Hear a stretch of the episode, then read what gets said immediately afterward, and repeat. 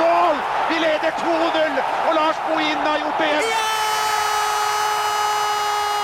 Dagny Melgren, Norge! You boys took a hell of a beating. Hjertelig velkommen til denne episoden av Podball. Dagens gjest er av mange ansett som en av Norges beste fotballspillere i moderne tid. Hardtarbeidende, lojal, oppofrende, bra blikk og ikke minst veldig, veldig god på samhandling. Eh, Men det er ikke bare derfor vi har invitert dagens gjest. Vi har lyst til å høre om historien etter at han la skoen på hylla. Hva har egentlig skjedd med hans kjære moderklubb, og hva har vært hans rolle? Jeg snakker selvfølgelig om Ørjan Berg og Bodø-Glimt. Så nå, kjære lytter, skal vi se nærmere på seriemesteren, kvalitetsklubben og flaggskipet i 2020 Bodø-Glimt. Det er en glede for meg å ønske velkommen til daglig leder i ungdomsavdelinga, barne- og ungdomsavdelinga Bodø-Glimt, ildsjel og fotballelskeren Ørjan Berg. Velkommen, Ørjan. Tusen hjertelig. Tusen hjertelig. Trivelig at du hadde tida på morgenen. da. Ja, takk for at jeg fikk lov å være med.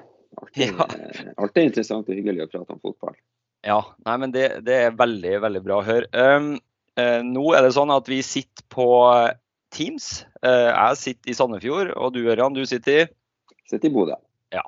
Så for dere som lytter på det her i etterkant, så må vi bare beklage den litt eh, kanskje dårlige lyden. Vi håper det går bra i løpet av det her, eh, her samtalen. Jeg tenker det, Ørjan, at vi skal starte med begynnelsen. Eh, vi skal starte med når Ørjan Berg møtte fotball første gang. Kan du ta oss med tilbake? Du er født til herrens år 1968. 1968, og da eksisterte jo ikke sjuerfotball eller treerfotball eller femmerfotball. Da var det rett på fotball, på en måte. Hva er ditt første minne med fotball? Nei, mitt første minne med fotball, det var vel eh, sammen med noen kompiser, venner i, eh, i gata. Eh, på Hunstad, en liten bydel utenfor Bodø, eh, hvor vi bodde da jeg var ja, fem, seks, sju år. da. Det er vel kanskje det første minnet jeg har. Og så begynte jeg å spille eh, organisert fotball da jeg var seks år i Bodø-Glimt.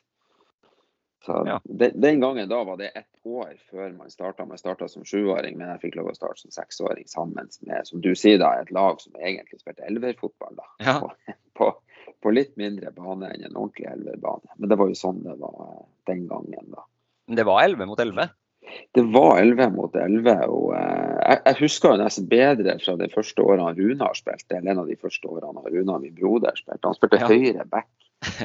Og jeg tror han var borte i ballen kanskje to ganger i løpet av første sesongen han spilte fotball. ikke sant? Så det, jeg tror nok det er rett utvikling at man starter med treer og så går videre nå til femmer og sjuer og nier. da, før det Ja. Ja. Men det kan jo, kan jo kanskje virke sånn, sånn, sett sånn i ettertid litt sånn rart at man blir glad i en aktivitet hvor man nesten ikke er borti ballen. Hva var det som, eh, hva var det som liksom trigga? Husker du det? Altså klart Du er jo, eh, har jo en familie som er veldig glad i fotball i utgangspunktet, men hva, hva, hva husker du som den triggeren? Hva var det som satte det i gang? Nei, altså man spiller jo veldig mye fotball utenom eh, den ene kampen i uka ikke sant, Ja. på sommeren. der, Så det er jo trening, og da er det jo noe annet. Å spille fotball i gata og på Løkka med kompiser hele tida egentlig på den, eh, på den tida der. Og så er jo nei, Det er jo vanskelig å forklare hvorfor fotball er så inn i hampen artig, da. Men det er jo det. Ja. Det er jo, det er jo verdens artigste spill. Ja. Så, så Nei, så, så det var jo rett og slett det som gjorde det. Og i tillegg så på midten av 70-tallet der, ikke sant, så var det jo fotballhysteri i Bodø litt på samme måte som det er i disse dager. da. Mm. Etter Glimt var eh, det første nordnorske laget som den gangen kom til cupfinalen i, i 75. Så den, den tida der når jeg var sånn seks-sju år, så var det egentlig sånn som det er nå. Det var sånn rimelig fotballgalskap. Og det påvirka jo eh, påvirka mye unger til å begynne å spille fotball den gangen. da. Ja. Men eh, og, og- det fotballen er jo og Nå kjenner jo jeg også Bodø, og det er jo ikke, det er jo ikke, det er jo ikke lyst hele natta på vinteren. Eh, Mm. hva gjorde dere på vinterstid? Altså når dere var på en måte sommer, altså vår, sommer og høst, så kunne det være fotball. Men hva drev du med annen idrett? eller Hvordan trente dere på vinteren da? Ja, når jeg var sånn syv, åtte, ni år, det er såpass lenge siden at jeg, det, det husker jeg nesten ikke. Visste, det var jo sånn én til to ganger i uka i gymsal, ikke sant. Det var jo Mm. det klassiske da. Så hadde Bodø-Glimt eh, fått satt opp en sånn liten eh, plasthall som, som egentlig står der hovedtribunen på Aspmyra stadion er i dag. Ja. Sånn, eh, ja, håndball 40 ganger 20 med filtdekke og asfalt under. Ikke oppblåsbar boble. ikke sant? Og, ja. så vi var jo der i helgene. På fredagskveld og lørdag søndag når ingen ville trene. Så var vi Ja. en, eh, en gjeng gutter eh, som var der og spilte ganske mye fotball. da. Ja. Så, eh, og I Bodø på den tida der så måtte vi jo trene ute om vinteren, for det var jo ikke noen nordlandshall. Nei. Så eh, da var det ute på snø og is med ispigger fra vi var eh, ja, ni-ti-elleve år kanskje, så, så var det det vanlige. da. Tre-fire ganger i uka. Husker du tilbake om det var noe fordi Det skal vi jo komme litt tilbake til etterpå. Men husker du altså klart Bodø-Glimt 4-3-3, angrepsvillig fotball, eh, fremoverretta. Men husker du om, om hvordan treningene var for din del? altså Hva dere trente på? var det noe, Hvordan var det å komme på trening? Hvordan var treneren din den gangen? Husker du noe om, eh, av det? Jeg husker veldig godt fra 1980 og til i dag. Eller, ja. Da var jeg tolv år, og da, da fikk vi eh, to veldig veldig dedikerte og flinke unge trenere på Lilleputt 1 i Bodø-Glimt, som, som det het den gangen. Eh, Tom Mørkve og, eh, og Tor Ove Falk, som har vært i klubben nesten egentlig siden da. Mm. Og er det fremdeles i, i ulike roller. Eh, Da var det litt sånn klassisk fotball. Vi spilte 4-3-3 da òg, men vi trente ikke mye formasjon og sånne ting den gangen. Det var eh, ja, pasning, teknikk, eh, alltid med ball. Og så var det veldig mye eh, småbanespill og spill på, på trening, da. Og en veldig sånn oppfordring til det å drive egentrening. ikke sant? Det var veldig høyt vektlagt den gangen fra fra trenernes side. De var også veldig ofte med oss på fritida ikke sant? i den her Glimt-bobla som jeg nevnte i sted. Mm. Bare var der og var til stede. Så, så de skapte et sånn veldig, veldig eh, bra miljø eh, på laget. Og det var litt gjengs i, i ungdomsavdelinga i Glimt den gangen. Og for så vidt i, i et par andre klubber i Bodø òg. Så det ble en sånn det ble et veldig bra miljø i, i Bodø eh, blant unge spillere den gangen. Og veldig mange av de spillerne som er på min alder og litt yngre, de, de har spilt toppfotball i Norge i, i, ja, i mange år etterpå. Da. Mm. Runar, Tom Kåre Staurvik og en hel haug med andre egentlig som egentlig kom det treningsmiljøet som ble skapt den gangen da. Mm.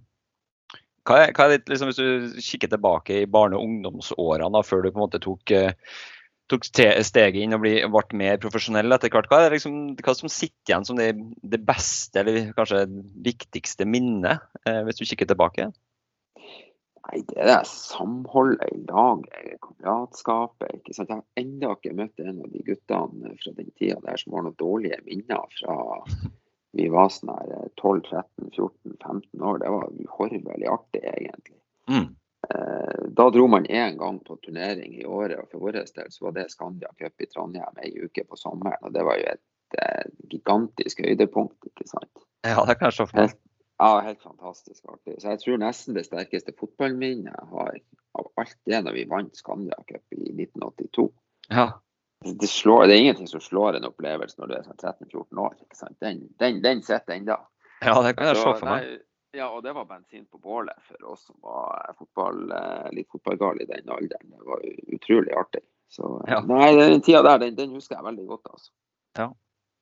Nei, men Så fint. Og så får jo du etter hvert så, så etablerer du deg som en, en, en fotballspiller og har en karriere både i Norge og, og, og til dels i utlandet. og du, du, du, du kommer jo til slutt eh, tilbake til ditt kjære Rosenborg og gjør en ja, Hvor mange sesonger var det når du gikk fra Bodø-Glimt i høsten 99, så drar du til Rosenborg? Ja, ja jeg var der fra høsten 99 til eh, august, slutten av august 2006. da. Ja. Sju da- sesonger noe sånt, tror jeg. Sju-åtte. Ja, sju sesonger. Og da er det skoen på hylla den høsten. Okay. Eh, 2000, hva du sa 2006? 2006. Ja. Ja. Eh, og da, legger, da er skoen av eh, for godt, Mm. og, og, og, og så flytter familien Berg nordover igjen. Hva tenkte du om fotballen og jobb og veien videre? Hva, hva liksom, hva, kom du inn i et sånt klassisk lite vakuum, eller hva, hva tenkte du om jobb og sånn i fremtiden? Ja. Nei, jeg husker jeg tenkte jeg skal i hvert fall ikke begynne å jobbe med fotball. For da var jeg lei. ikke sant? Jeg spilte helt til, eh, til ikke jeg hadde sjanse å spille lenger. Jeg hadde en ankel som satt stopper for egentlig karrieren da. Ja. Og egentlig i ettertid veldig, veldig glad og takknemlig for måten Rosenborg takla den situasjonen vi er inne på. da. Det setter jeg, setter jeg veldig veldig stor pris på. Så jeg Ja. å nevne, nevne det sånn i forbifarten Ja, ja. her. Eh, Men jeg flytta hjem til Bodø, så starta jeg litt opp sammen med Runar og Arild, brødrene mine. Og, ja, og drev med litt eiendom og litt prosjektarbeid innenfor det. da. Og hadde egentlig ingen tanker om å begynne å jobbe med fotball. Men jeg hadde jo to gutter da som, som den gangen var ja, 13 og 9 år. eh, Patrick og Marius. Og ble trener for dem. Og da ble man jo på en måte eh, jeg skal ikke si lurt inn i det, men da ble man jo med på det og inn i det i, i Glimt etter hvert. Mm. Og, og det er jeg veldig glad for nå, sånn i ettertid. Ja, det, det, det skjønner jeg godt. Og, men når du første gang, fordi eh, Har du fotballtrenerutdanning, Gøran? Hva har du på CV-en der? Der har jeg grasrottrener C. Ja. Og Så når du- er ja. Så når du skulle på feltet første gang med, med guttene dine, da, hva, hva, hva, da har du jo du, de karriere er jo sjølopplevd, og du har jo stått Ja. på feltet med mange gode fotballtrenere. Men hva, Mhm. hva tenker du om den rollen som fotballtrener for relativt unge gutter da? Liksom, hvordan angriper du det? Nei, jeg har må å si at jeg har veldig veldig respekt for de foreldrene eh, og de frivillige trenerne som står på feltet og skal være fotballtrener. Første gangen jeg gjorde det sjøl, det eh, det var i Trondheim for, eh, for han Patrick da, og den gjengen hans i Strindheim som da var sju år.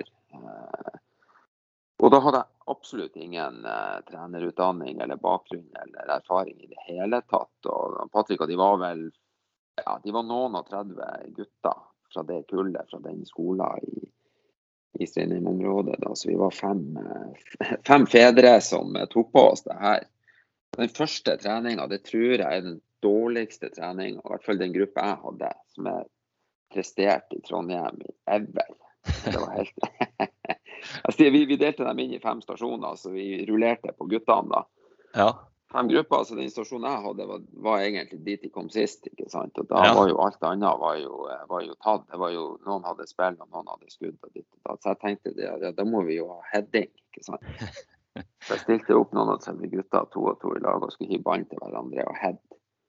Ja. Jeg, var helt, jeg tror enda de leter etter de ballene oppe på der. Det var, det var helt krise. Så, så det å få litt veiledning og rettledning når du skal trene enten det er unge gutter eller jenter, det er, det, det er en god idé, for å si det sånn. Ja, ja fordi det er jo et eller annet med å eh, Og det kan jeg kjenne meg igjen i sjøl. Det å stå på feltet og ha hatt en spillekarriere bak seg, og på en måte skal prøve å oversette det man tror, sånn som man Mm. tror fotball skal være, inn i en hverdag til gutt eller jente på 7-8 år, det, er, det kan være ganske vanskelig. og Det tror jeg mange kan kjenne seg igjen i. Og ikke minst det å organisere det, sånn at aktiviteten på en måte flyter. Eh, og Der tror jeg mange på en måte undervurderer det, det trøkket som ligger i, i barne- og ungdomsfotballen. Eh, så det, det er jo ja.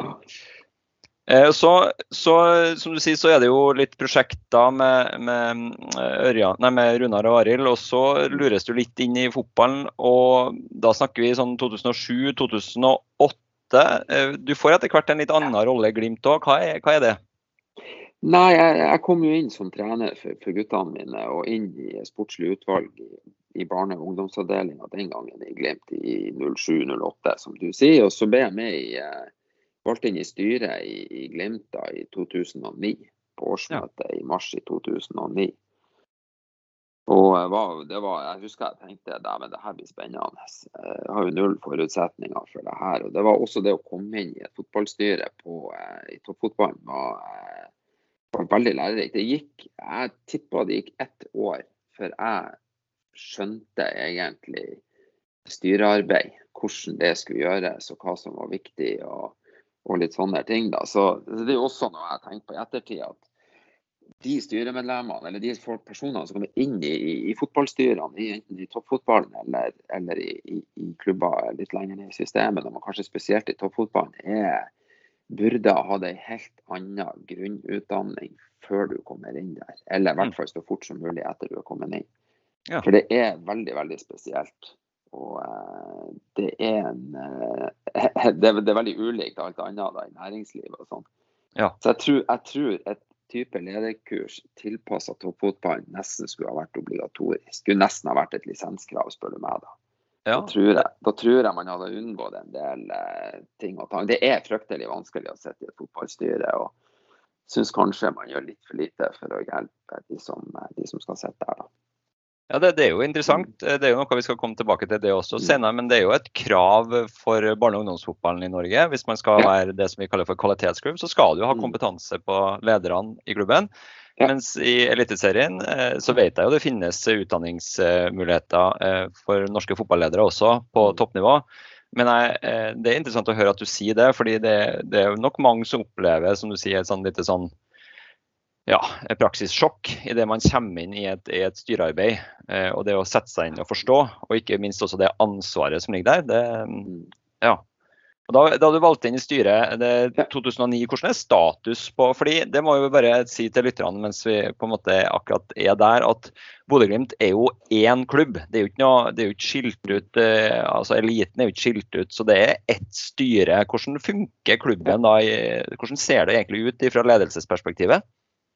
Nei, i, i, 2009 så altså Glimt var en klubb da, og Glimt er en klubb nå. Og, og, det er en av styrkene våre, sånn som jeg ser det. I 2009 så hadde Glimt akkurat gjort en veldig veldig bra sesong med A-laget. Ble nummer fire, vel en av de beste sesongene i Glimt sin historie. ikke sant? Var én millimeter unna å ta bronsen. Da avslutta sesongen med Oslo Rosenborg på Lerkendal, som var noen og 20 år siden sist man hadde gjort, liksom. Så, mm. så, det hadde vært en veldig veldig bra sesong. Så jeg ble valgt inn i styret og tenkte her blir jo kjempeskøy. ikke sant? Og så var det kom på årsmøtet og få presentert eh, de økonomiske tallene og realiteten i klubben. Det var jo helt krise. Det var noen av 50 millioner i gjeld, og det var 89 millioner i, i minus driftsår i 2008. ikke sant? Så det var, ja, det var kolde, mørkt og svart i 2009, og vi røkte også ned det året. da. Mm. Så det var ikke noe god stemning. Og klubben ellers var Det var ikke noe, det var ikke noe utviklingsarbeid sånn som han har til i Norge de siste årene, ti årene egentlig. Da var det alt var frivillig i barne- og ungdomsavdeling i Glimt. Mm. Til man kom inn på andrelaget til Glimt. da. Der var det ansatt trener og, og, litt mer system på det. da. Så det var en helt annen tid også i barne- og ungdomsfotballen enn, enn det det er nå. da. Ja. Så det var nok å, var nok å henge fingrene i, for å, for å si det sånn.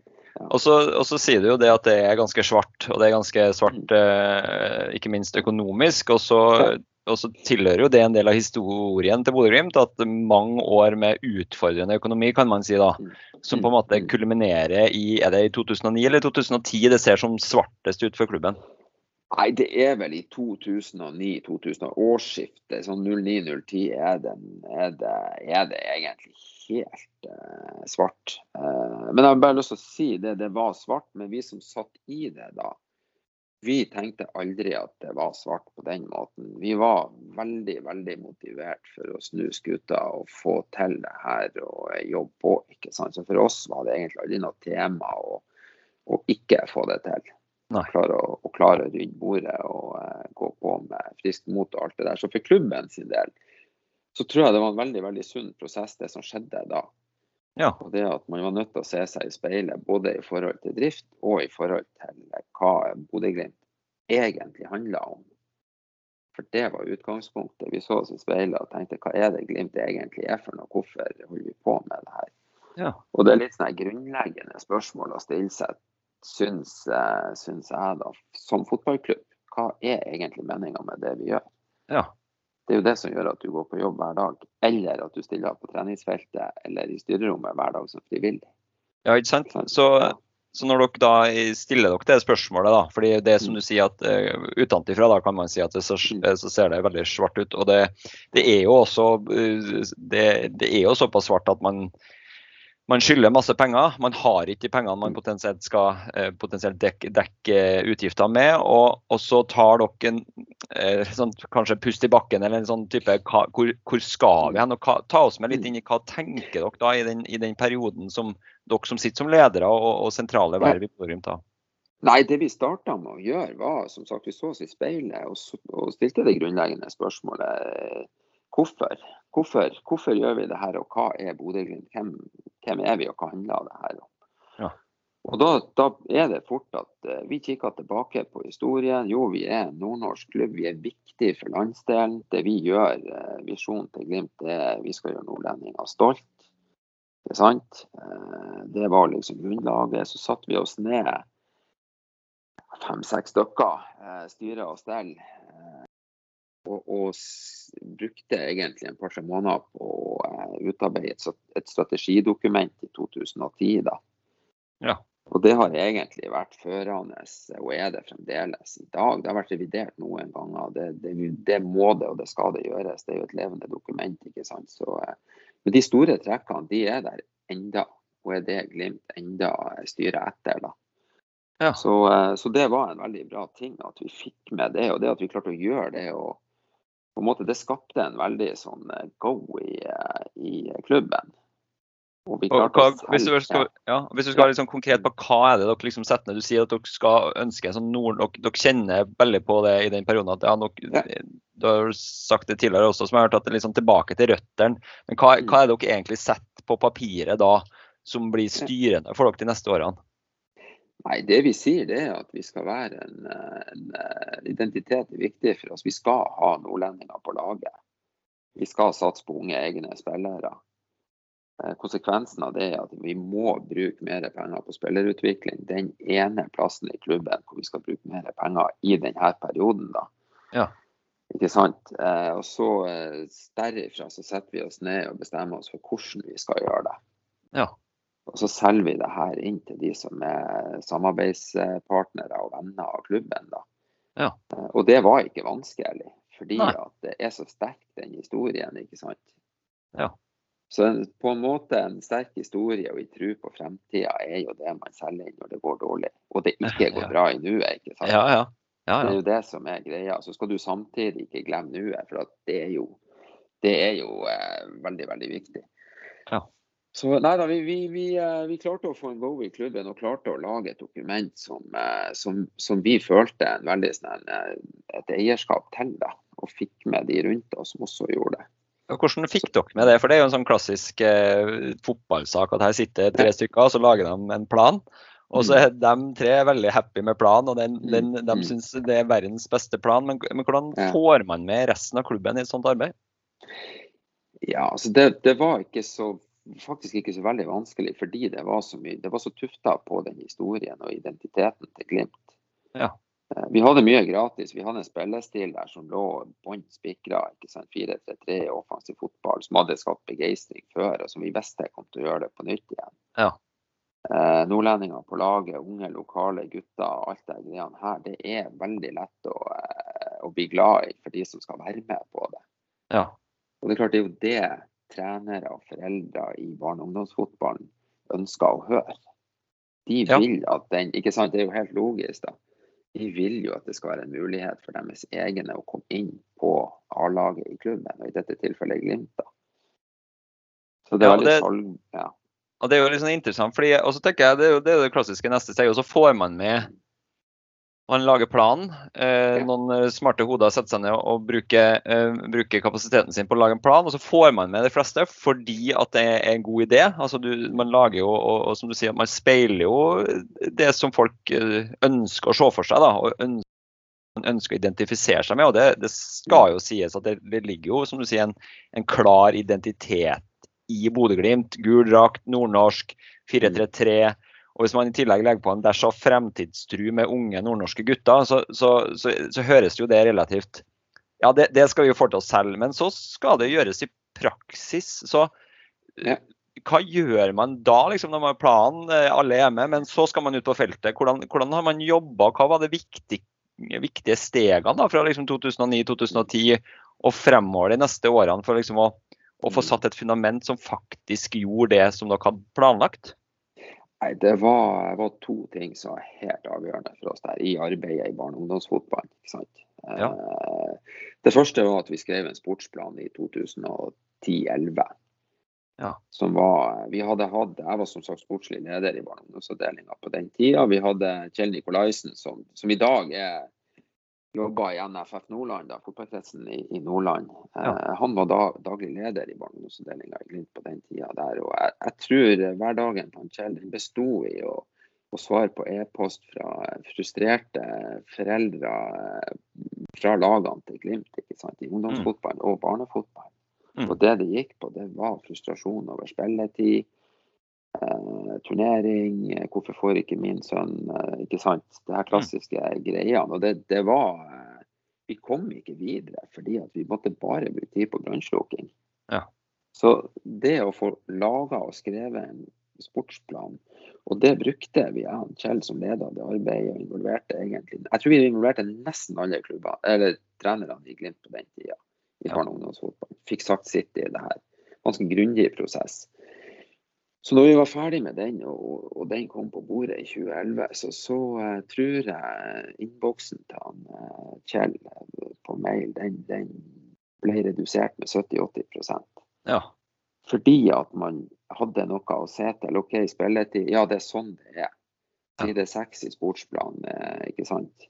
Gutter tolv. Så mye, og sånn skal det være. Ferdig med det. Og det var veldig veldig greit å få noe å forholde seg til som var veldig konkret. Og da har du et helt annet grunnlag for å begynne å jobbe med det som er aller viktigst, og det er jo eh, det sportslige tilbudet. ikke sant, og måten, mm. måten ting skulle være på. Da.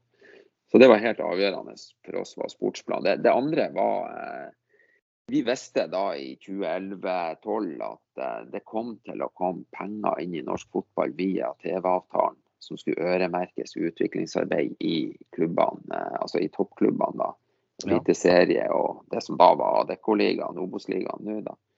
Så vi rigga oss i klubben med tanke på det. Ja. Og da var det egentlig snakk om å legge ja, ansvaret for utviklingsarbeidet inn i utviklingsavdelinga i Glimt, og vekk fra den frivillige barne- og ungdomsavdelinga. Ja. Og, og, det også er en sånn greie. Det er ikke bare å si det og så bare gjøre det på et kvarter. ikke sant? Vi, vi skrev en gjensidig avtale mellom barne- og ungdomsavdelinga og hovedklubben. da. Mm. Og den avtalen brukte vi over seks måneder på å jobbe frem.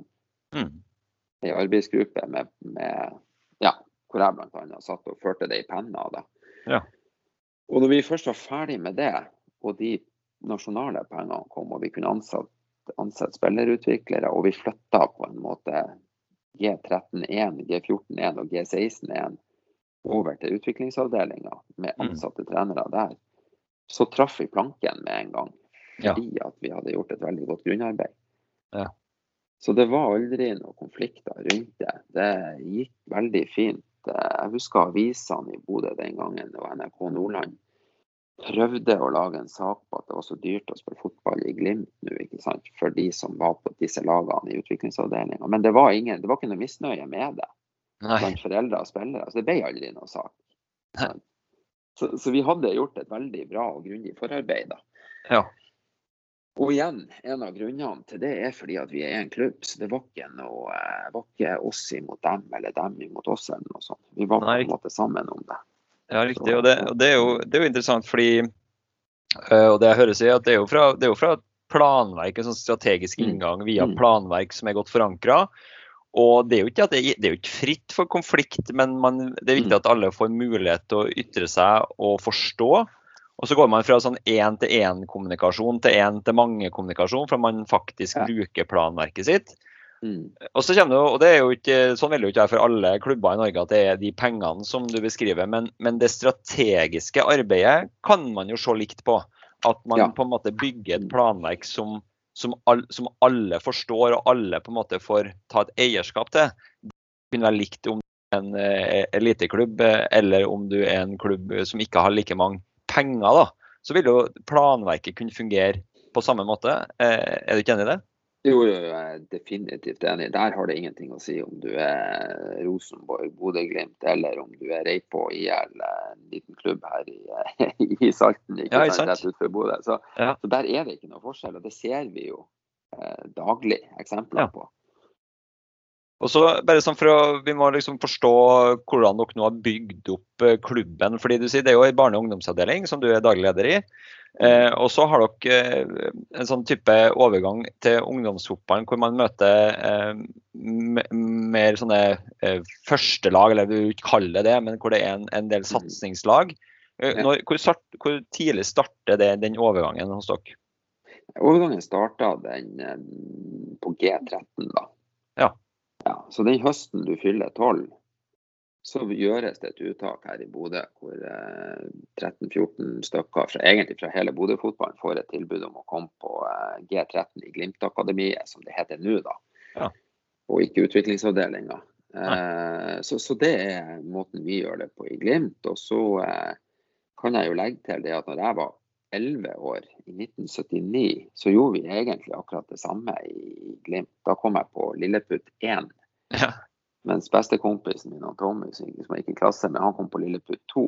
Liksom. Ja. Og i Gran gjorde de det samme. Og det var liksom litt sånn vanlig måte å gjøre det på den gangen. Ja. Og så ble jo det dytta til 13 år etter hvert på 90-tallet en gang. Og noen har jo dytta det til 16, ikke sant. Noen gjør det ikke i det hele tatt. Så det er jo Ja. litt sånn forskjellige måter å gjøre det her på. Da. Men Ja, vi har valgt å gjøre det. Vi har valgt å gjøre det på denne måten. Og da, da skal vi gjøre det så grundig og, og, og bra som vi får til, i hvert fall. Det er nå eh, helt sikkert. Men han eh, Ole, da, eh, som Mm. da ikke kommer på førstelaget på 13, hva er, hva er tilbudet til han? Nei, det, det tror jeg er en av grunnene til at vi har lyktes OK bra i Glimt. Det, vi, vi gir et bra tilbud til de som ikke kommer på, på G13 i Glimt-akademiet. Ja. Altså, De fortsetter jo å spille i barne- og ungdomsavdelinga, og eh, sånn sett det er jo det jeg har ansvaret for. da. Ja. Eh, De første årene så var jeg både utviklingsleder og daglig leder i barne- og ungdomsfotballen. Og det er jeg jo egentlig glad for at jeg ikke er lenger, for det var uhorvelig mye jobb. Og ble, Ja, og, og ble mer og mer og mer etter hvert som man kom inn i kvalitetsklubb og akademiklassifisering på den andre sida. Ja.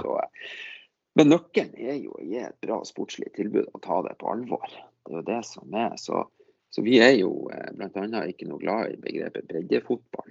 Eh, Nei. det er jo i utgangspunktet ikke noe galt i det.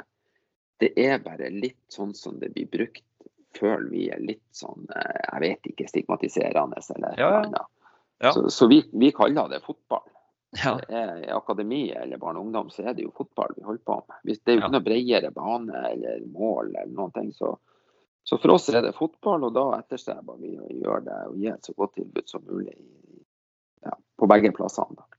Ja, og og jeg har jo snakka med deg før, eh, og, og også liksom underveis denne eh, de her siste årene. Og Jeg husker en samtale fordi Dere har jo parallelle lag, da, vil man kunne si. Ja. sant? At man har liksom to eller tre lag per årgang, alt etter hvor mange gutter som faktisk, eh, eh, faktisk er med. Men, men du sa et år at eh, det var det Hvis man tenker på kvalitet, da, og så ser på resultatet, Mm. eller hvor, hvor god et lag, godt et lag er, da, basert på det som skjer på feltet, så, så sa du til meg det ene året at her var det, det, var, det var, om det var G16 eller G15, så var det det som tilhører barne- og ungdomsavdelinga til Glimt, da, som ikke er akademilaget. Det var vel så god, sa du.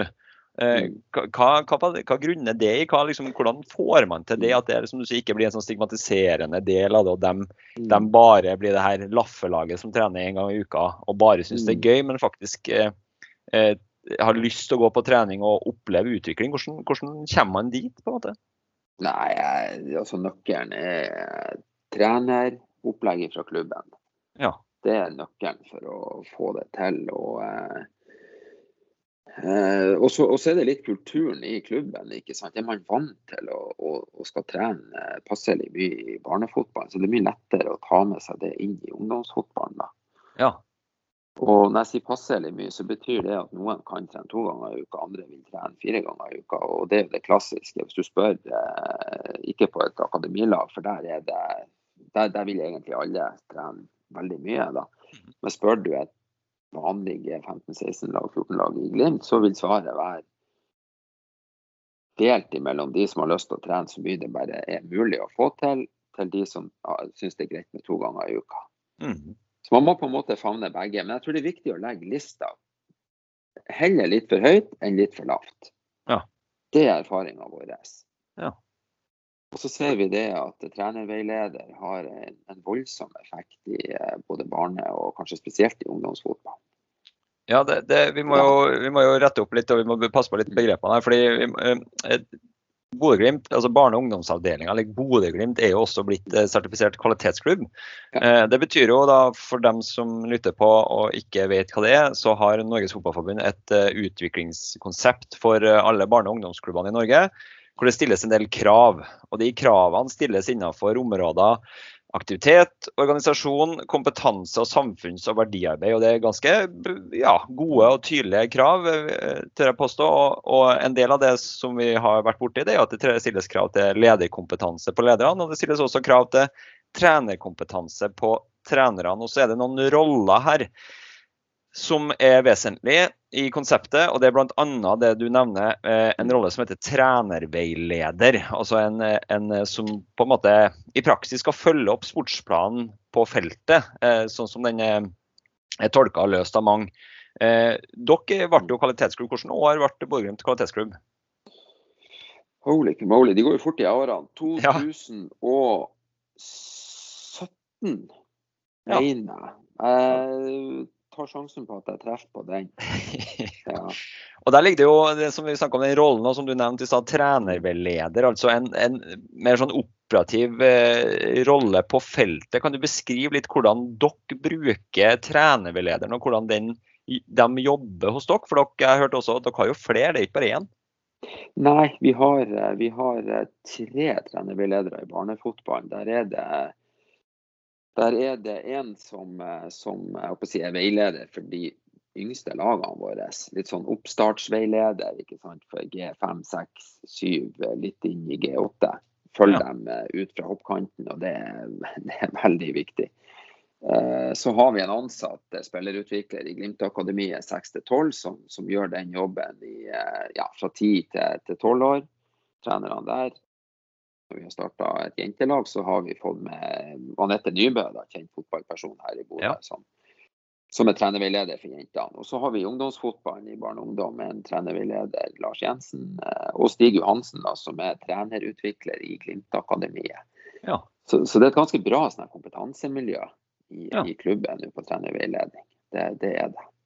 Så, så, så tenker jeg at eh, Det er jo ikke alle som vet for Jeg sier jo det at jeg følger på en måte opp sportsplanen i praksis på feltet. Men hva, Mm, mm. hva, hvis du kan bruke litt tid på å forklare hva, hva er det egentlig en trenerveileder gjør i Bodø-Glimt? Sier altså Følg dem opp fra hoppkanten, men hva er det viktigste, eller hva gjør en trenerveileder i Bodø-Glimt i, sånn i praksis? Ja, jeg, jeg skal ta et eksempel nå. Vi kan ta han Lars, da, som er trenerveileder i barne og ungdom. Eh, det er en litt sånn ny start når han kommer inn i ungdomsfotball. I Glimt så setter vi sammen lagene på nytt. ikke sant? Det er en ny gruppe. Det er gutter som ikke er kjent med treneren sin fra før og litt sånne ting. Så det er veldig viktig for oss å følge dem opp eh, godt fra starten av.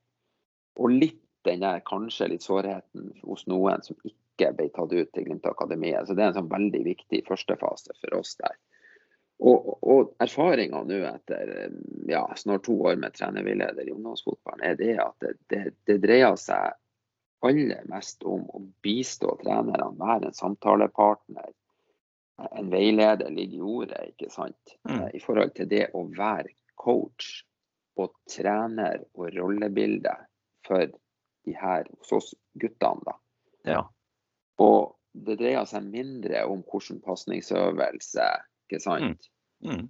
Det gjør det òg, for all del. Altså oppsettet av ei trening, hvordan du skal forberede deg, flyten i treninga. ikke sant? Sånne ting er viktig. Men det aller viktigste er denne trenerrollen og det å bli trygg i den rollen. Hvis du får det på plass, så er, så er det så utrolig mye lettere å få resten på plass. Ja, ikke sant? Fordi hvis du da tar, tar oss tilbake til en, en trening på Strindheim, da. Eh, tilbake i 2006 må det sikkert ha vært eller noe sånt. Ja, Um, et eller annet i den. ja, så hvis eh, Ørjan Berg, barnefotballtreneren Ørjan Berg har blitt møtt av en trenerveileder den gangen, hvordan tror Ja. du du har følt det i ettertid da? Nei, det hadde vært helt fantastisk.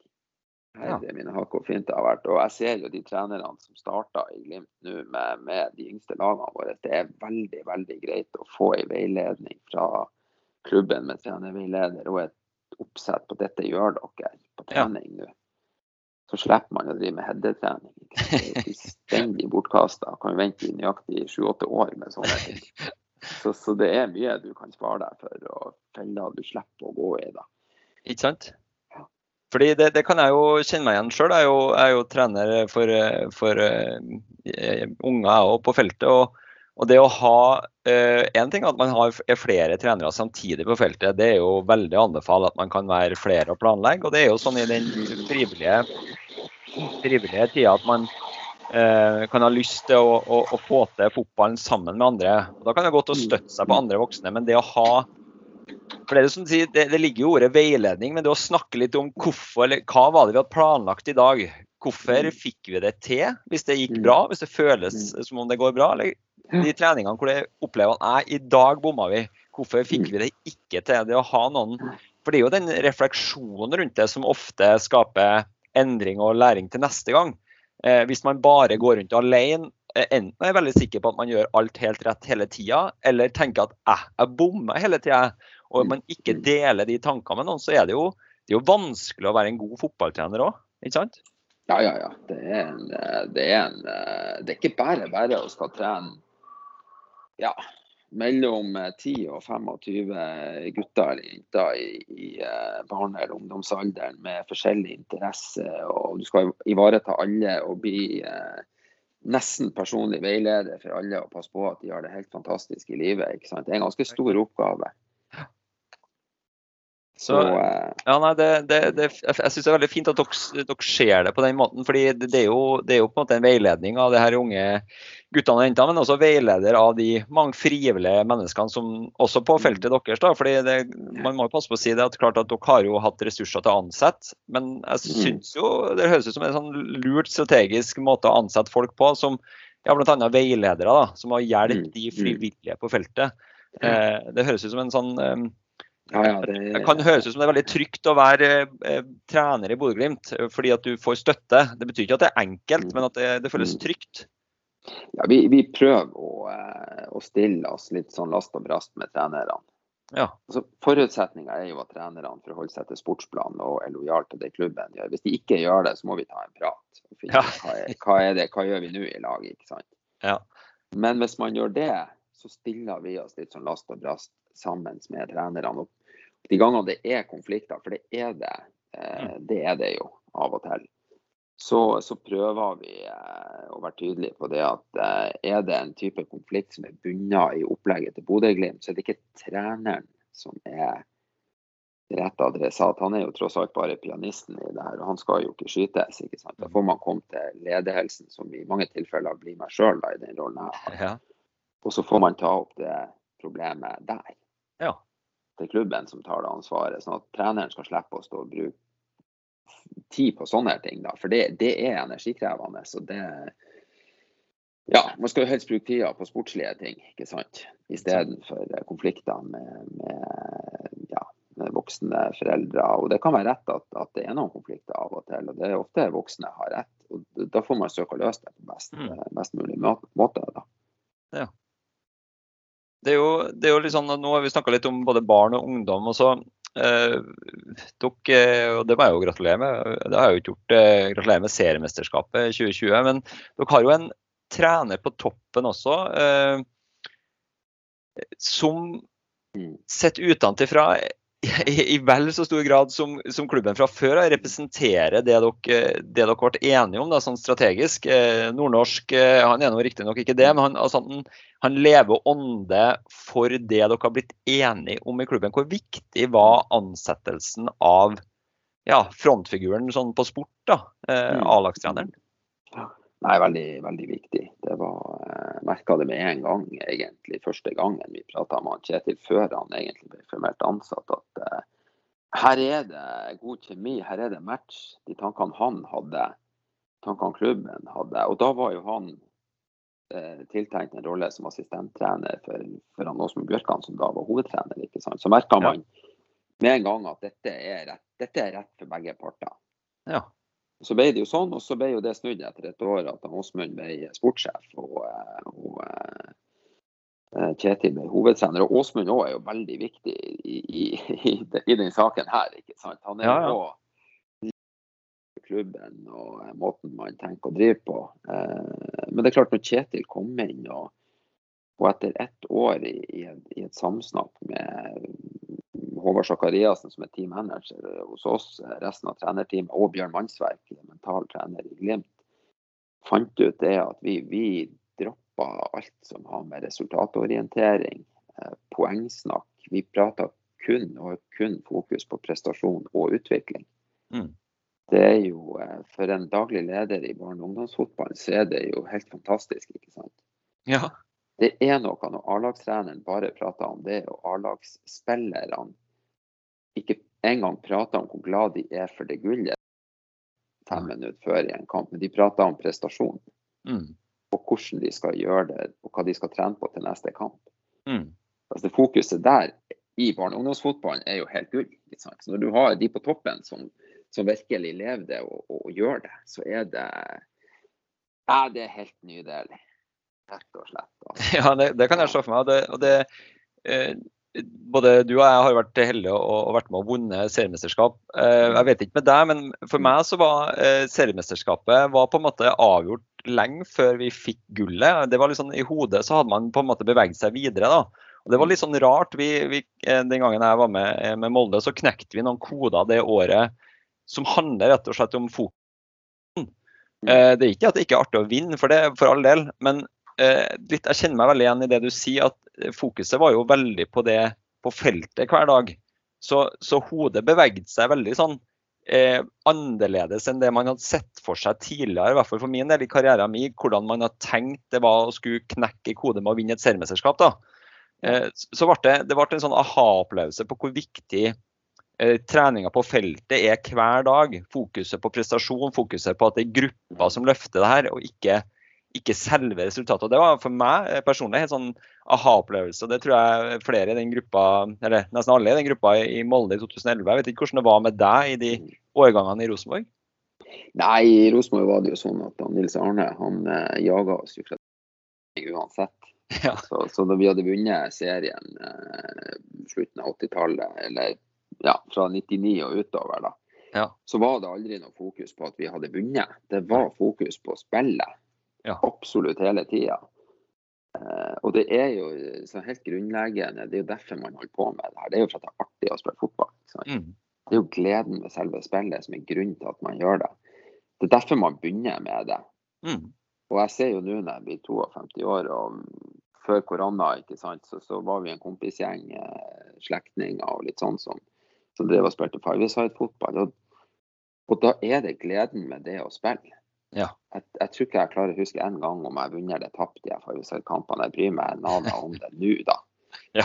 Da er det gleden, og det er artig å slå tunnel på en Runar. ikke sant? Det kan jeg leve Ja, på i en måned. Det er jo helt uh, ja, så Det er liksom en kjerna med det at det skal være artig og gleden med selve spillet. og Det er jo den du veldig tydelig får frem når du, når du fokuserer på mestring og utvikling og prestasjon. da.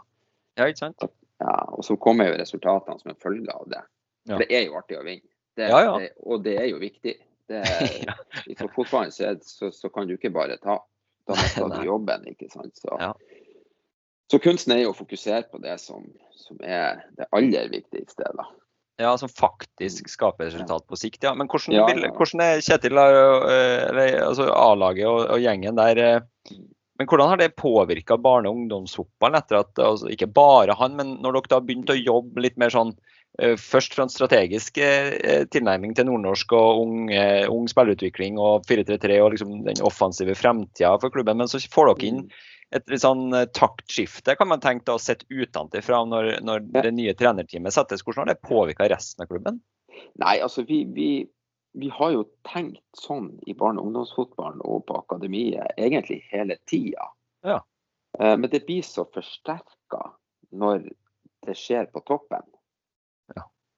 Da er det Det er utrolig artig å ha et trenerforum i Glimt i ungdomsfotballen, ikke sant. Og så er det bare å henvise til Kjetil. Det blir mye god stemning ut av det. ikke sant? det blir det. For det, det er jo Man vil jo gjerne vinne kamper også når, som trener for 13-åringer ikke sant? eller Ja, ja. 16-åringer. Og, Men når fokuset er prestasjon og utvikling, og vi ser det at de lagene hos oss eh, som virkelig klarer å fokusere på det, fotball, Mm. barnefotball, der får du eh, Guttene er fornøyd, selv om Mm. de ikke har blitt kretsmester. Og, og i noen tilfeller så kunne de ha blitt det. Mm. Men fordi at vi fokuserer heller på utvikling, så, så gir vi dem kanskje en kamp hver dag, Eh, fordel spilletid, gjør sånne her ting. Mm. Og så blir man ikke kretsmester i G13. Men man får tilbake trenere som er veldig fornøyd med spillet til guttene. Ja. Og gutter som har spilt mye fotball og gjennomgående er ganske fornøyd med sesongen som har vært. Og det er utrolig artig å få de tilbakemeldingene, da.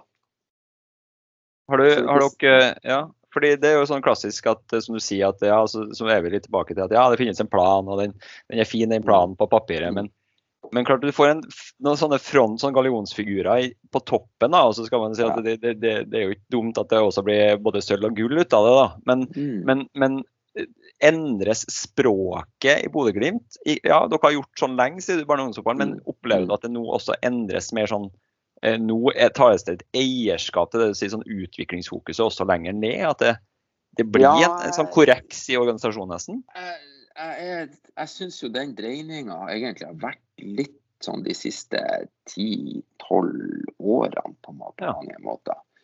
Eh, og så er den blitt enda mer nå de siste par årene. Ja.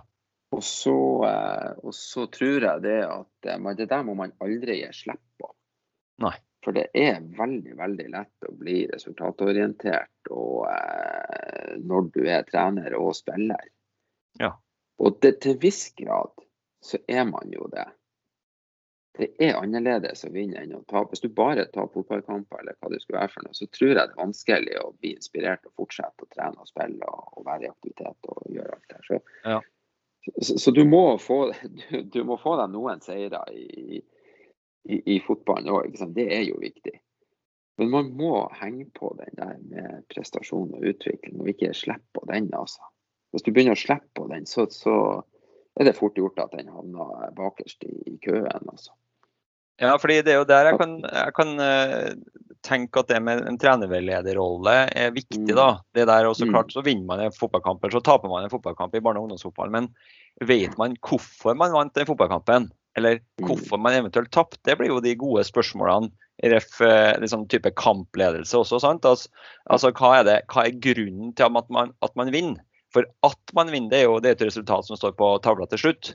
Det, det kan man konkludere med. Ja, vi vant. Men den refleksjonen rundt hvorfor vinner man fotballkampen, Mm. eh, det er jo en like viktig refleksjon som på en måte igjen speiler det at det er et, et prestasjonsfokus. da, og det, det er jo en eh, ja, en er er det jo et trenerutdanningsløp, altså et fokus, og jo mer erfaren man blir. Men det er jo en veiledning ut ifra sånn som hos dere, da, en sportslig plan og hvordan dere ønsker å fremstå. Um, jeg, jeg tenker jo, og Det hører jeg jo du sier også nå, og når jeg snakka med deg tidligere. altså Det å, å snakke fotball, bli utvikle trenerne. Uh, og som du sier, det jo absolutt artig å vinne, men det er jo kanskje artig å vite hvorfor man vinner. Jeg vet ikke hva du tenker om det? Jo da, det er ikke, det er ikke likegyldig hvordan du vinner. Det, det er ikke det, altså. Det er, jeg tror de for å ta A-laget til Glimt, altså de har det helt utrolig artig nå som fotballspillere. Ja. Eh, de er mye borti ballen, de får lov å drible og skyte. Eh, ikke sant? Mye touch. De, de, de føler at de spiller god fotball, de får brukt seg sjøl. Det er noe annet det å ha ballen 60-70% i en kamp enn å ha den 30-40% i en Mm. kamp og være borti ballen kvarten så mange ganger. Ja. Og igjen tilbake til det her, det her helt grunnleggende, ikke sant. Mm. Det, er ikke uten betydning Nei. hvordan man vinner en kamp. Nei. Og I hvert fall ikke i type barne- og ungdomsfotball. Nei. Det er ikke noe artig å være ja, midtbanespiller på et lag i ungdomsfotball, så du er aldri borti ballen fordi den blir slått over hodet på deg hele tida. Men laget vinner likevel, ikke sant. Det er Ja, altså- med det. Du må få lov til å kjenne litt på kula og ja. Ja, det- det- Dribbel, slå noen pasninger, ikke være redd for å mislykkes og sånne ting. Det, det, det er noe fundamentalt i det der. Sånn. som man er Ja, nødt til å ta med seg. Det, det følger jeg veldig på. Det, det har jeg sett hos dere. Jeg har, sett det, jeg har jo vært heldig og fått jobba en del med barne- og ungdomsfotball. og særlig sett en del eh, både nederlandsk og belgisk fotball, men også en del sportsplaner rundt omkring i Norge. Jeg har sett også den som gjelder for barne- og ungdomsavdelinga i Bodø-Glimt. og klart at eh, det er jo interessant da, hvis man går på feltet som er trener for eh, jenter som er eh, åtte og ni år gamle. og Hvis vi trener på å føre ball, og, Mm. og på en måte også etter hvert trener på et pasningsspill, og så kommer Mm. vi på kamp, og så står foreldrene og roper 'skyt', Mm. eh, da blir det eh, sånn dissonans. Da altså, ja, men det er, da er det som dere sier i Bodø-Glimt, altså, da vil man ikke at man roper 'skyt'. Da Da vil man at man applauderer det man faktisk trener på. Fordi Mm. at det ikke var så mange skudd på siste kamp, og det har helt sånn naturlig følge at vi ikke har trent på det og ikke har fokus på det. Vi vil at de skal føre, utfordre, prøve å drible, prøve å sentre. Da kommer ikke så mye skudd, og så kan foreldrene stå etterpå. Men da er det jo, tenker jeg, det er viktig at man faktisk sier det til foreldrene i forkant. da. Det Mm. her har, det er det her vi har trent på, eh, og det vil vi at dere er med å forsterke. Både på sidelinja når man kikker på kamp, men også ikke minst i de bilturene hjem etterpå, sant? som kan både være et kvarter og en times tid. Eh, For det her er jo fanga opp i bl.a. deres sportsplan. da. Mm. Ja da. Eh. Det, vi vi laga for en, eh, et års tid siden, par år siden, så laga vi egne kampkort for, eh, for barnefotballen da, hver, hvert årstrinn. Og det er jo akkurat som du sier, en av de tingene som står der, det er jo ja, hva vi ønsker at foreldrene skal si, og hva vi ønsker at foreldre og trenere da selvfølgelig ikke skal si. Ja. Eh, Skyt er jo et av de ordene. krysser over, og vær så snill og ikke si det. Ja. Eh, ikke spill på tvers, ikke sant. Nei, Ja. ikke, ikke rop det. Ikke dribbel i forsvar. Jo, Ja. dribbel i forsvar. Hvis Ja. du skal få lov til det når du er åtte år, når i alle dager skal du Ikke sant, så er det helt grunnleggende ting. Så det, det er viktig å prøve å, eh, å fange opp det òg. Og på en måte uten å drepe engasjementet rundt fotballen. For, for den må jo få lov til å være der. ja, selvfølgelig. Klare å styre det men- på et vis. da. Og det er jo det som jeg syns er så fint, da, hvis man har et planverk som etter hvert også er levendegjøres på feltet. Altså at man ikke Ja, så har man en, et planverk laga av noen i klubben, ildsjeler, som er forankra og igjen ut på trening. Men så har vi foreldrene som på en måte er de en av grunnpilarene her. Da, sant? Vi snakker jo ofte om, om hjem, skole og fritidsaktivitet. Og klart at Hvis eh, hjemmet med foreldre og de foresatte er med å underbygge ideen om aktiviteten. Fordi det må jeg bare si at jeg, om jeg, en gutt eller jente på 8-9 år turner, danser, eh, rir eller spiller fotball, men at de, foreldrene er med å understøtte den aktiviteten som ungene syns er artig. da. Eh, og det handler om å ta ungene sine litt på alvor. Kjenner jeg litt på sånn fra foreldresida, at, at man på en måte forstår hva barnet trener på. Eh, hva er det man har øvd på i dag? Og jeg tror mange foreldre er flinke til å spørre ungene sine hvordan hadde du det på skolen i dag. Det kan jo ofte sikkert være et mer lukka spørsmål. Hadde du det fint på skolen i dag, f.eks.? Men jeg lurer litt på hvor mange foreldre kan jeg, det kan jeg faktisk lure på hvor mange foreldre som, som er ordentlig nysgjerrig på hva har dere trent på på fotballtrening i dag? Mm. Eh, hva syns du var artig på fotballtrening? Fikk, hva fikk du til? Eh, fikk, altså, altså litt sånn fordi Det vil jo underbygge og understøtte de guttene og jentene helt fra de er fem-seks år gamle opp, opp igjennom til å liksom flytte fokuset over på prestasjon og ikke resultat. Da. For det blir jo fort Mm. Ja, det var bra det målet du skåra. Ja, ja. det var dumt at dere tapte. Jo, jo, men det blir jo litt sånn. Ja da. Det er jo det klassiske spørsmålet. Hvor mange mål skårte du på trening i dag, da? Ikke sant? Det er jo, det, det er jo eh, Ja. Eh, nei, jeg er helt enig. Så, så det å klare å veilede eller hjelpes til også i en foreldregruppe kan man bør vektlegge, det, det, er jo, eh, det er jo viktig. Og selvfølgelig ikke så helt enkelt bestandig. Så, Ja. eh, men, men vi ser jo det at eh, det hjelper. Det er jo stort sett fornuftige voksne folk i Ja. Norges land, så, så det er klart det hjelper å ha en plan for det.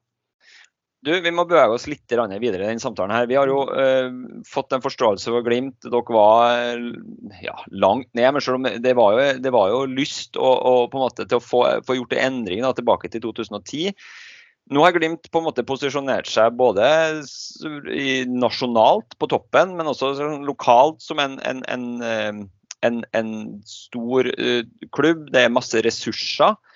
Eh, må snakke litt om den rollen Bodø-Glimt har i Bodø. Det er jo masse andre breddeklubber i Bodø også. Hvordan, eh, Hvordan er samarbeidet med naboklubbene i Bodø by? Jeg tenker da først og fremst på barne- og ungdomsfotballen, selvfølgelig. Den er, den er veldig bra. Ja. Eh, Det må jeg si. Altså. Det, de siste årene har det, vært, eh, har det vært og er veldig bra. og ikke minst eh, takket være kretsen. Jeg må sk- skryte NFF Nordland i den sammenhengen. De fasiliterte noen møter årlig eh, og har gjort det de siste årene, som egentlig brakte klubbene veldig nært hverandre.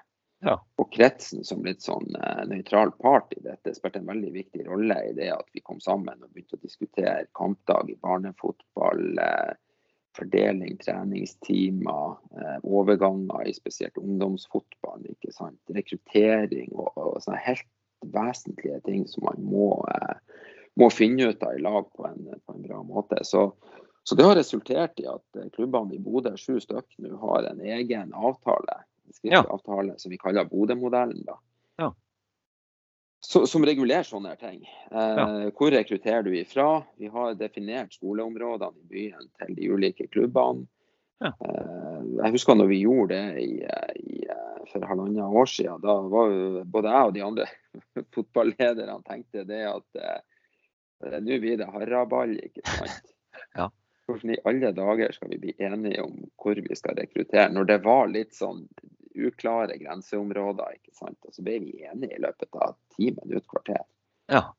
Ja, det var eh, en av de største opplevelsene jeg hadde i fotballkarrieren, tror jeg. Det var helt utrolig, altså. Ja. Så det var, det var godt gjort, syns jeg. Igjen, Hvorfor, det hvorfor var du så skeptisk til den eh, Nei, ikke skeptisk, men det er så mye følelser. Det er så mye Vi har vært her siden 1917 i, i Grand sitt tilfelle, og vi har vært, nei, vi har vært her siden 1916 i Glimt sitt tilfelle, ikke sant. Ja. Men vi ble rett og slett enige veldig fort Ja. om hvor vi skulle rekruttere. Og det er noen plasser hvor det er to klubber som rekrutterer fra samme skole. Ja. Og da får man bare anerkjenne det, og sånn er det. Og noen spiller på det laget i den klubben, og noen spiller i den andre klubben. Og so be it. Hvis det blir for lite en plass, så får vi snakkes i lag. Så nei, det har vært et, og er et, eh, et veldig bra samarbeid i Bodø fotball. Og, og igjen, det der må vedlikeholdes. Eh, Man kan ikke bare eh, gå ut fra at det er sånn. Det må vedlikeholdes, og man må på en måte gjødsel det, ja, det opplegget der, da. Sånn at det, er, det føles rett for, for alle parter, egentlig. For det er jo et klassisk sånn minefelt. Eh, Bodø-Glimt, toppklubben. toppklubben. Det vil nok mange toppklubber og også de klubbene rundt kjenne seg igjen i. At eh, det med en gang en gutt blir 14 år, da, eller i deres tilfelle 13, kanskje Mm. 14-15 også, eh, så er det en veldig god gutt på en naboklubb. Og kan også Mm. ha vært litt lenger unna en naboklubb. Og så er han Mm.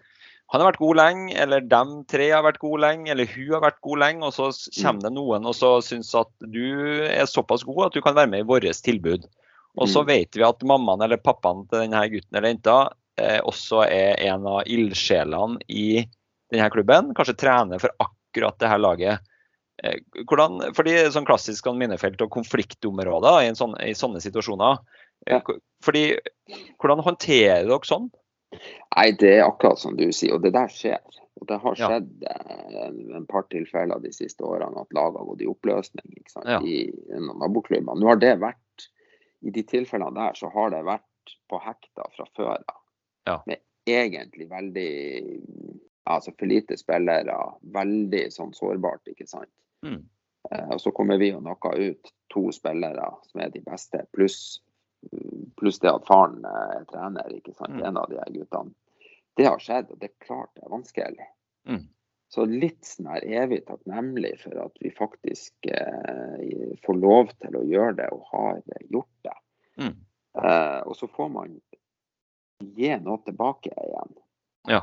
Det er egentlig det som er casen her. Hva får man tilbake igjen som gjør at det faktisk er verdt det for, eh, for klubbene? Og det sitter vi og ser på litt nå. Vi, vi, vi har et samarbeid. Vi har fire samarbeidsklubber i Bodø som vi har skrevet avtaler med. og Vi sitter og ser nå og tenker det at vi må utvide her. ikke Mm. sant? Og, og gi tilbake mer enn det vi gjør nå.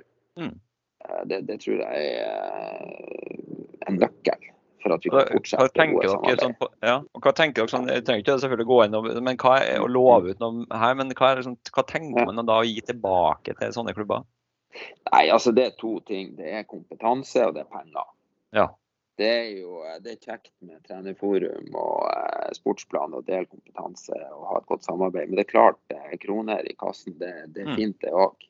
Så jeg tror det er en kombo av de her to tingene. Og, og Ja. da ofte knytta til Det er jo vanlig, ikke sant. Knytta til overgang til en, eh, til en tredje klubb, eller hvis man skriver en eh, profesjonell kontrakt i Glimt etter hvert. Ja. Så det er litt sånne ting som vi sitter nå og ser på og har diskutert litt med andre klubber. Så vi er jo glad når klubber stiller krav til oss. Det er jo Ja, ja, selvfølgelig. en fin måte å komme seg fremover på. Ja, og de pengene det skal man jo ikke kimse av. De pengene eh, de, de kommer veldig veldig godt med i, i klubbkassene rundt omkring. Eh, og, og jeg, jeg syns det er fint at du sier det også, at det, for det er jo ikke bare penger heller. Det er jo også et, et type åpent fora, åpen tilgjengelighet, kompetanseoverføring osv. Men Mm. at, at det er flere elementer her. At det ikke bare er ja, nei, dere, vi, dere kan komme til oss og ha trenerkurs hvis dere vil. Nei, det her er en sånn gjensidig forpliktelse. Jeg, jeg Mm. tror jo det er fint at Bodø-Glimt i den posisjonen dere har fått nå, da, også sett utenfra, også er, så ydmykt tilnærmer dere det, på denne måten. Det er jo, og det tror jeg er viktig for norsk fotball, ikke minst at hvis du tar toppklubber i dette tilfellet, eh, anerkjenner den jobben eh, klubbene rundt gjør, da, for rett og slett Mm. eh, få opp gutter og jenter. Eh, skape gode treningshverdager. Eh, gi kompetanse til trenere og ledere.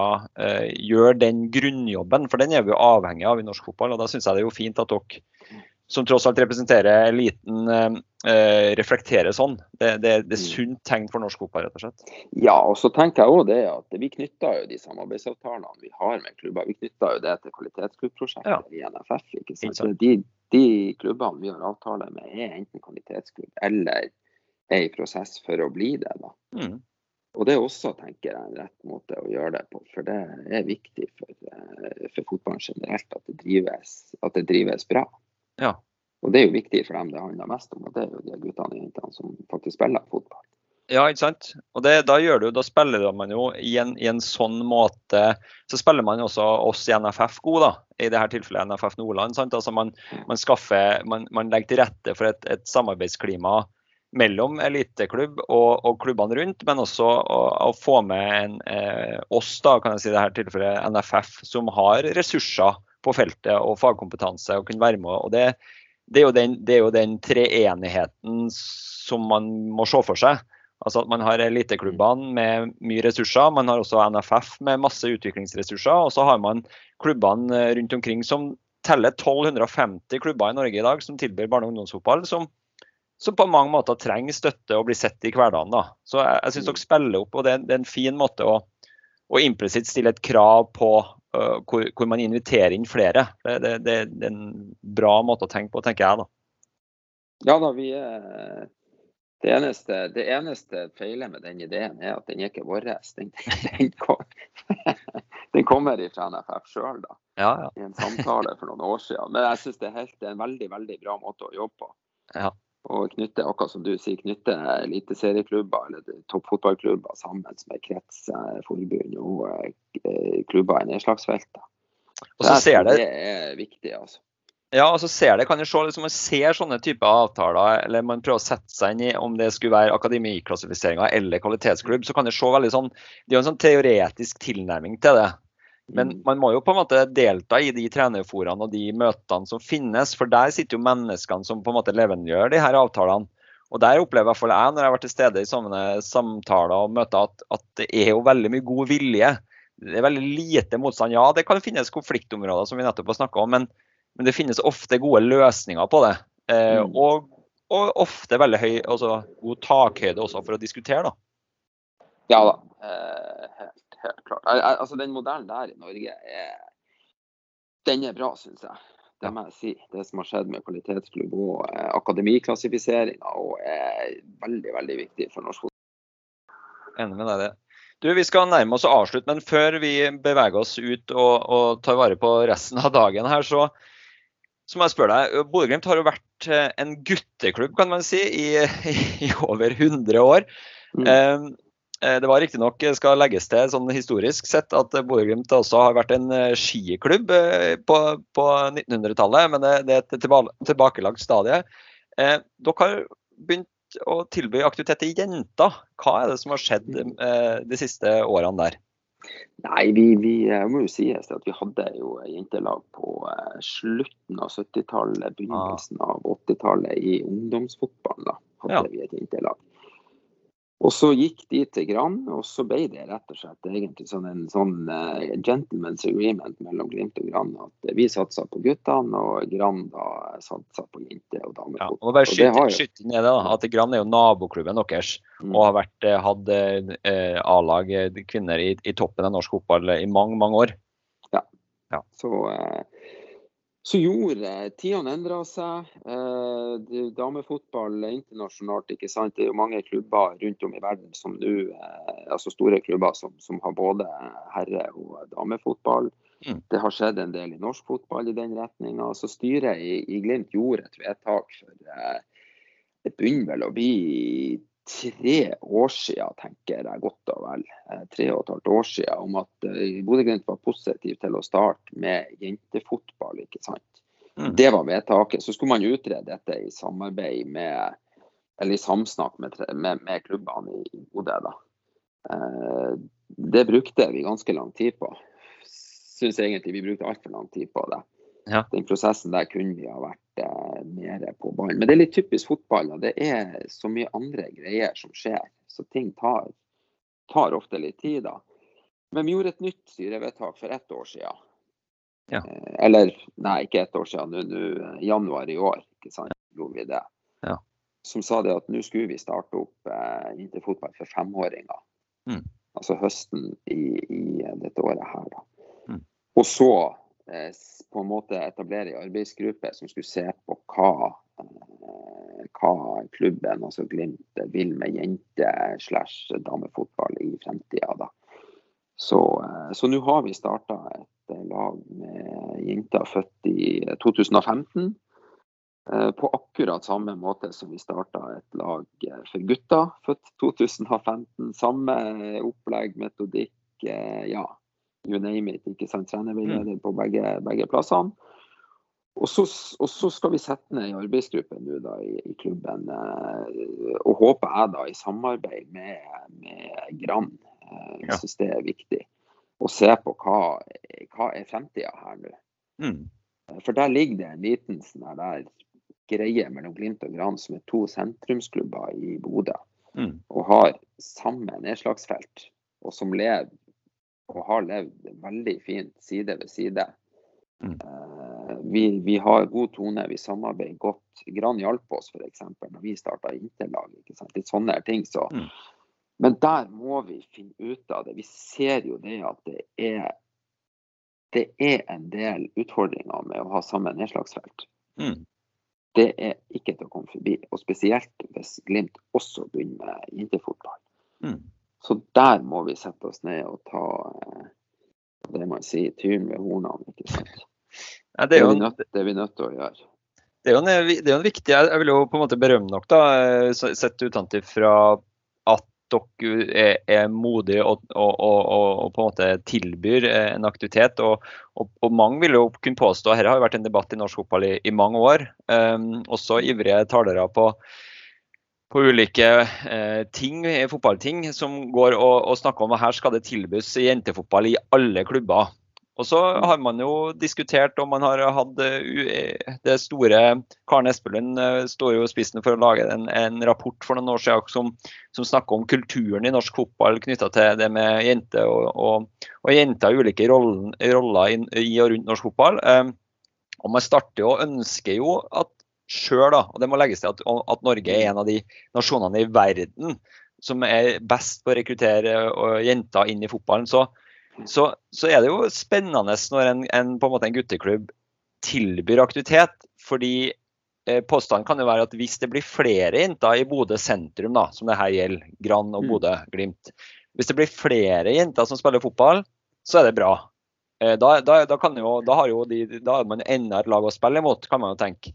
Men mm. hvis det mm. egentlig er det samme antallet totalt som skal spille fotball, men at Mm. man nå deler det på to klubber i stedet, da, så er det jo viktig som du sier, at man setter seg ned og prater om hva egentlig, hva skal tilbudet til jentene være. Eh, så, så Du sier jo det at dere skal sette dere ned og prate om at det blir, at det blir viktig. Eh, er det noe dere tenker å planlegge nå for våren 2021? Liksom? Hvordan skal dere jobbe med det? Jeg håper det. Det her ligger jo litt på styrenivå Ja. hos oss. Eh, så vi trykker jo litt på for å Ja. få det her gjort. Eh, det, det er kjempeviktig. Og, det er klart, hvis en toppklubb, i dette tilfellet Glimt, skal starte med en aktivitet annet enn det de holder på med fra før, og i dette tilfellet da jentefotball, Mm. så må man eh, gjøre det på en ordentlig måte. Mm. Og så lenge vi har jentefotballen organisert i barne- og ungdomsavdelinga, Mm. eh, så, så, så kommer jentene til å få akkurat det samme tilbudet som Ja, de andre lagene vi har i barne- og ungdomsavdelinga. Ja.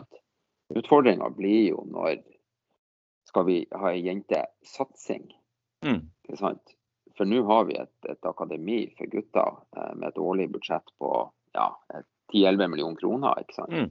Mm. Ti heltidsansatte, eh, spillerutviklere, fysisk trener, you name it. ikke sant? Eh, Hvordan vil det være i forhold til jentene? Mm. Er vi i stand til det? Det er jo, det er jo sånne ting. Og, og litt som jeg husker jeg snakka med Hege Jørgensen, da, ikke sant? I, leder for serieforeninga for, for kvinner. da, For et, et par år siden i denne sammenhengen. Det første hun sa til meg, det var det at hvis, hvis Glimt eller en toppklubb skal begynne med jente- eller damefotball, så må de virkelig, virkelig mene det. Mm. Og, og det er jo litt det samme vi føler i forhold til det å drive med barne- og ungdomsfotball. Du må jo virkelig mene at det her skal du gjøre. Mm. Hvis ikke så blir det ikke bra. Så jeg tror det er veldig viktig for oss nå å, å, eh, å få gjort den prosessen i klubben i samarbeid med gjerne Brann og kanskje noen andre klubber her i byen, Mm. og, og finne ut av hva er det egentlig vi vil. Eh, og, og det er ikke sikkert det er rett at vi må gjøre det i morgen, men vi må gjøre det innen rimelig tid. Det føler jeg på er ganske sterkt. Altså. Det vet jeg jo resten av klubben og styret eh, gjør, og, og har satt det på agendaen. Så eh, ja, den prosessen er litt i gang. og så eh, så eh, blir det forhåpentligvis gjort et godt stykke arbeid der. Da. For det, det tror jeg er det viktigste for at det skal bli et bra slutt, sluttresultat av det her. Da. Ja, ikke sant. Og så er er det jo sånn at i Bodø, som mange andre plasser, så er det jo også eh, etter hvert da, både ungdomsskoler og videregående som tilbyr aktivitet. da. Eh, og klart at Det er en synergi da, mellom klubber og utdanningsinstitusjonene i tillegg. Så man på en måte er med og tenker helhet for guttene og jentene hele tida. Um, og det, det tror jeg er viktig, og det skjønner jeg jo eh, at dere i Bodø eh, og med, med NTG og med grann eh, tenker på. fordi det blir jo en vesentlig del også av det tilbudet som man ønsker å kunne gi til guttene og jentene eh, når de blir, særlig den overgangen opp til, til ungdom, da. Mm. Eh, som, er, som er en viktig, eh, viktig eh, milepæl for, for spillerne våre. Så, Ja. Nei, helt klart. Det, Nei, det blir spennende i hvert fall. ja, det blir spennende å følge med på, Ørjan. Eh, vi skal nærme oss nå og runde av. Jeg vil, eh, vil takke deg da, for en eh, veldig hyggelig samtale. Eh, jeg vil jo si det fra, sånn, igjen fra mitt perspektiv at jeg tror jo at mye av eh, æren for det som skjer i Bodø-Glimt, er jo dere menneskene som står rundt. Altså dere eh, ildsjelene som eh, er oppriktig glad i fotball. Og klart, eh, hadde, hadde jeg vært jobba i en klubb hvor det kom inn et, et menneske som deg, også skryt til deg, eh, som ønsker å brenne for fotball, men, men ikke, ikke ser om det er et resultat, eller om det ser om det er han beste spilleren eller hun ivrigste spilleren hele tida, men ser etter menneskene. da. Det opplever jeg at dere i, i Bodø-Glimt får til på en veldig veldig god måte. Dere snakker om menneskene og er, er rause med hverandre. Og det, det, det syns jeg er fint både å se når vi ser det på TV-en, når det intervjues både spillere og trenere der, men også hvordan dere eh, oppfører dere i praksis. da. Eh, og som, som, du sier, at det er jo ikke sånn at man ikke, det er ikke fritt for konflikter, men at dere er løsningsorientert. og det, det er spennende sett utenfra, eh, vi som sitter i Fotballforbundet, men også andre klubber i Norge som legger merke til hvordan dere i Bodø-Glimt og også hvordan du fronter det her. så det, det skal du ha all honnør til. Det, det, dere jobber veldig veldig godt, og det er spennende å ha fått innblikk i deres hverdag da. Mm. Jo, jeg sier eh, på vegne av eh, Glimt og, og meg sjøl tusen, tusen takk for fine ord. Og så banker jeg litt i bordet mens, mens jeg sier det, og mens du sa det. Litt sånn fordi at eh, her må man det handler litt om å holde seg på den smale sti òg. Alltid i fotball, og spesielt når man har suksess. da. Så skal man takle det òg for første gang i Glimt sin historie. Vi har jo hatt to gode sesonger på rad nå, det har jo aldri skjedd før. Vi har ganske bra med penger i banken, og det er ikke så ofte vi har det heller. Så eh, det blir veldig spennende å se hva, vi, eh, hva fremtida bringer. Men vi er jo optimistiske. Ja. Nei, Det blir fint. Da, da Mm. takker jeg eh, deg, Ørjan, for at du tok deg tida til å dele fotball og Bodø-Glimt og tanker med oss. Og så ønsker jeg dere en eh, hjertelig fin julefeiring i Bodø, og lykke til eh, både i barn-, ungdom- og voksenfotballen eh, i 2021. Så takk for praten. Takk, takk.